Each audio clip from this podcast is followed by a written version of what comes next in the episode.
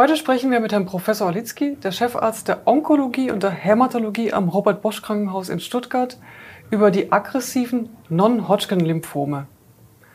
Und da muss man ja wirklich sagen, lieber Professor Olitzky, Namensgebung ist schon wirklich verwirrend. Viele Patienten bekommen unterschiedliche Namen genannt, welche Krankheit sie denn jetzt hätten. Und am Ende fragen sie sich, bringen die Ärzte alles durcheinander oder welche Krankheit habe ich denn jetzt? Ja, es hat ja Leute gegeben, die gesagt haben, jedes Jahr ist nur eines sicher. Ich muss Steuer zahlen und die Lymphomklassifikation wird sich verändern. Das und, ist ein schöner Spruch. Und es gibt deswegen in der Zwischenzeit sehr viele Lymphomentitäten, die wir charakterisieren. Auf, das hat natürlich schon eine, einen Sinn, weil wir damit besser das biologische Verhalten und das Ansprechen auf Therapie einstufen können. Aber es gibt natürlich erheblichen Raum, durch fehlende oder nicht fehlende Vereinfachung Verwirrung zu erzeugen. Mhm. Weil Patienten dann einfach unterschiedliche Bezeichnungen desselben Zustands genannt bekommen und sie dann am Schluss nicht wirklich präzise wissen, was die Sachlage gesagt, ist. Wir machen jetzt wirklich mal Nägel mit Köpfen. Über welche Lymphome sprechen wir jetzt hier in diesem Film? Wir reden ja heute über die aggressiven Lymphome. Das sind die Lymphome, die wir durch mittel- bis energische Chemotherapien in eine komplette Rückbildung bringen und von diesen Menschen, wo wir eine komplette Rückbildung erreichen, den überwiegenden Teil auf Dauer heilen. Mhm. Da gibt es verschiedene Typen, die heißen diffus großzellige Lymphome, diffus großzellige B-Zell-Lymphome, die heißen primär mediastinale Lymphome, und der überwiegende Teil von diesen Lymphomen stammt von den B-Lymphozyten. Das sind die Zellen, die für die Antikörperproduktion verantwortlich sind. Ein kleinerer Teil ähnlicher Lymphome entsteht aus den T-Lymphozyten oder aus NK-Zellen. Im biologischen Verhalten sind aber diese Lymphome alle relativ ähnlich. Mhm. Vielen Dank. Also wir sprechen über die aggressiven vormals Non-Hodgkin genannten ja. Lymphome und über B-Zell-Lymphome, über T-Zell und natürliche Killerzell-Lymphome. Und die unterteilen sich dann wiederum in Untergruppen, die, genau, die, wie Sie schon sagten. Die primär die Pathologen entdeckt haben ja. und von denen ein Teil schon sehr präzise das Verhalten charakterisiert. Ein Teil dieser Einteilungen unterscheidet sich nicht wesentlich von, von den größeren Gruppen. Mhm. Also es ist hier schon eine Mischung aus pathologisch interessanten und für den Patienten relevanten mhm. Unterteilungen. Lymphom, was versteht man denn unter einem Lymphom jetzt mal ganz generell gesprochen? Ein Lymphom ist primär mal nur eine Vergrößerung eines Lymphknotens. Mhm. Und ein malignes Lymphom ist eine Vergrößerung eines Lymphknotens durch eine bösartige Lymphknotenerkrankung, also durch eine Lymphknotenkrebserkrankung. Mhm. Und von den äh, Lymphomen, also diese aggressiven sogenannte Non-Hodgkin-Lymphome, sind ja in erster Linie ältere Menschen betroffen. Das gilt für die meisten, es gilt nicht für alle dieser Lymphome. Also die meisten bösartigen Erkrankungen im Allgemeinen sind eine Erkrankung, die mit zunehmendem Lebensalter an Häufigkeit zunehmen. Mhm. Es gibt einzelne von diesen Gruppen, die durchaus auch bei jungen Menschen vorkommen. Es gibt sogar einzelne, wie das Burkitt-Lymphom, das bei jungen Menschen häufiger ist ja, okay. als bei älteren Menschen. Mhm. Also diese Eigenschaften hängen von der jeweiligen Untergruppe ab. Mhm. Aber grosso modo kann man sagen, mhm. je älter man wird, desto mehr kann mhm. man ein Lymphomrisiko bekommen. Welche Symptome weisen denn darauf hin, dass man so ein aggressives Lymphom eventuell haben könnte? Die Symptome sind ähnlich wie bei allen Lymphomen. Es ist meistens in, spielen sich diese Prozesse in den Lymphknoten ab. Mhm. Daher sind Lymphknotenvergrößerungen mit Abstand das häufigste Symptom, mhm. das zum Arzt führt und damit zur Diagnose. Selten kommen Befall innerer Organe, Selten kommen auch leukämische Verlaufsformen mit einem schlechten Blutbild vor. Aber der überwiegende Teil der Patienten hat einfach unterschiedlich viele und unterschiedlich große und an unterschiedlichen Orten des Körpers auftretende Lymphknotenvergrößerungen. Mhm.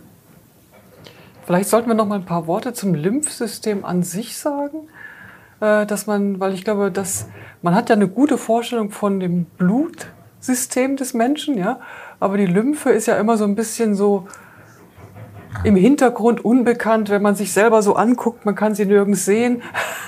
Das ja, das lymphatische System ist ein System, das viele Organe des Körpers äh, beinhaltet.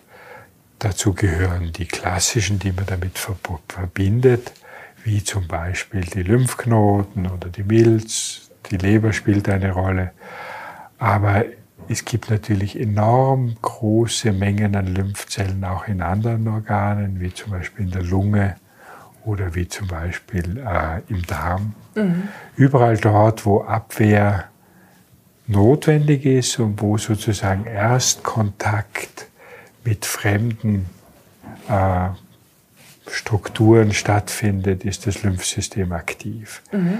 Wenn man das als Funktion betrachtet, ist das Lymphsystem ein Sinnesorgan, mhm. das im Prinzip in der Lage ist, große Moleküle, die von mir stammen, von großen Molekülen, die von irgendwas anders stammen, zu unterscheiden.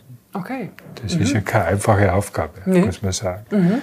Weil das Lymphsystem muss ja, bildet ein immunologisches Gedächtnis aus. Das mhm. heißt, wenn einmal so eine Struktur mit mir in Kontakt gekommen ist, dann bleiben Zellen da, die, falls diese Struktur wiederkommt, sofort wachsen anfangen, mhm. rasch Antikörper produzieren und mhm. mich dann verteidigen können. Mhm. Deswegen erwischen mich manche Viren beim ersten Mal ordentlich, mhm. beim zweiten und dritten Mal kaum mehr. Mhm. Oder hinterlassen überhaupt eine bleibende Immunität. Und deswegen sind ja Viruserkrankungen im Kindesalter ein extrem häufiges Geschehen. Also zweijährige Kinder sind ja Dauerrotznasen mhm. üblicherweise. Mhm. Aber wenn man dann im späteren Leben ist, hat man gegen diese Viren alle schon ein System aufgebaut. Mhm. Und dieses erreicht das System über zwei Arten von Zellen, ganz grob gesagt. Die eine Art produziert Antikörper, ja.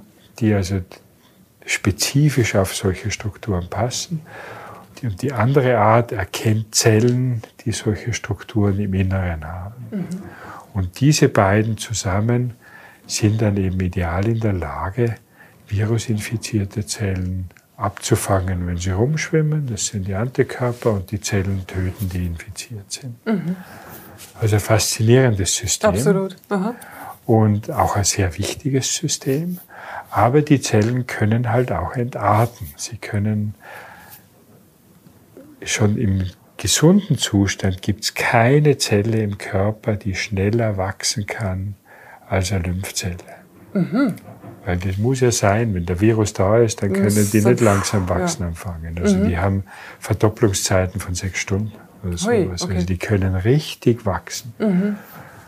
Diese Fähigkeit können sie halt manchmal auch haben, wenn es uns nicht passt. Mhm. Und daher ist es schon auch kein Zufall, dass Lymphzelltumoren oder Lymphknotenkrebsformen gar nicht so selten sind und auch so eine hohe Variabilität an Aggressivität und Ausbreitung haben. Und damit kommen wir dann eigentlich genau zu dieser Frage, was sind denn die Ursachen jetzt von diesen aggressiven Lymphomen? Also die Ursachen sind bei allen Krebsarten erworbene genetische Veränderungen. Mhm. Also es die Zellen verändern sich, weil sie bestimmte Gene durch genetische Veränderungen anders verwenden können. Da gehören Wachstumsgene dazu, da gehören Gene dazu, die verhindern, dass die Zellen absterben. Zum Beispiel, wenn eine Infektion weg ist, muss ja die Zelle auch wieder sterben können. Mhm. Und wenn das verhindert wird, akkumulieren die halt einfach. Mhm. Und solche Genveränderungen entstehen in den Lymphzellen eben besonders bevorzugt, weil Lymphzellen selber, um möglichst effiziente Antikörper zu bilden, Genveränderungen zulassen. Und daher erleben wir solche Veränderungen auch einmal bei jungen Leuten, auch relativ häufig und eigentlich häufiger, als es der Zellzahl entspricht. Mhm.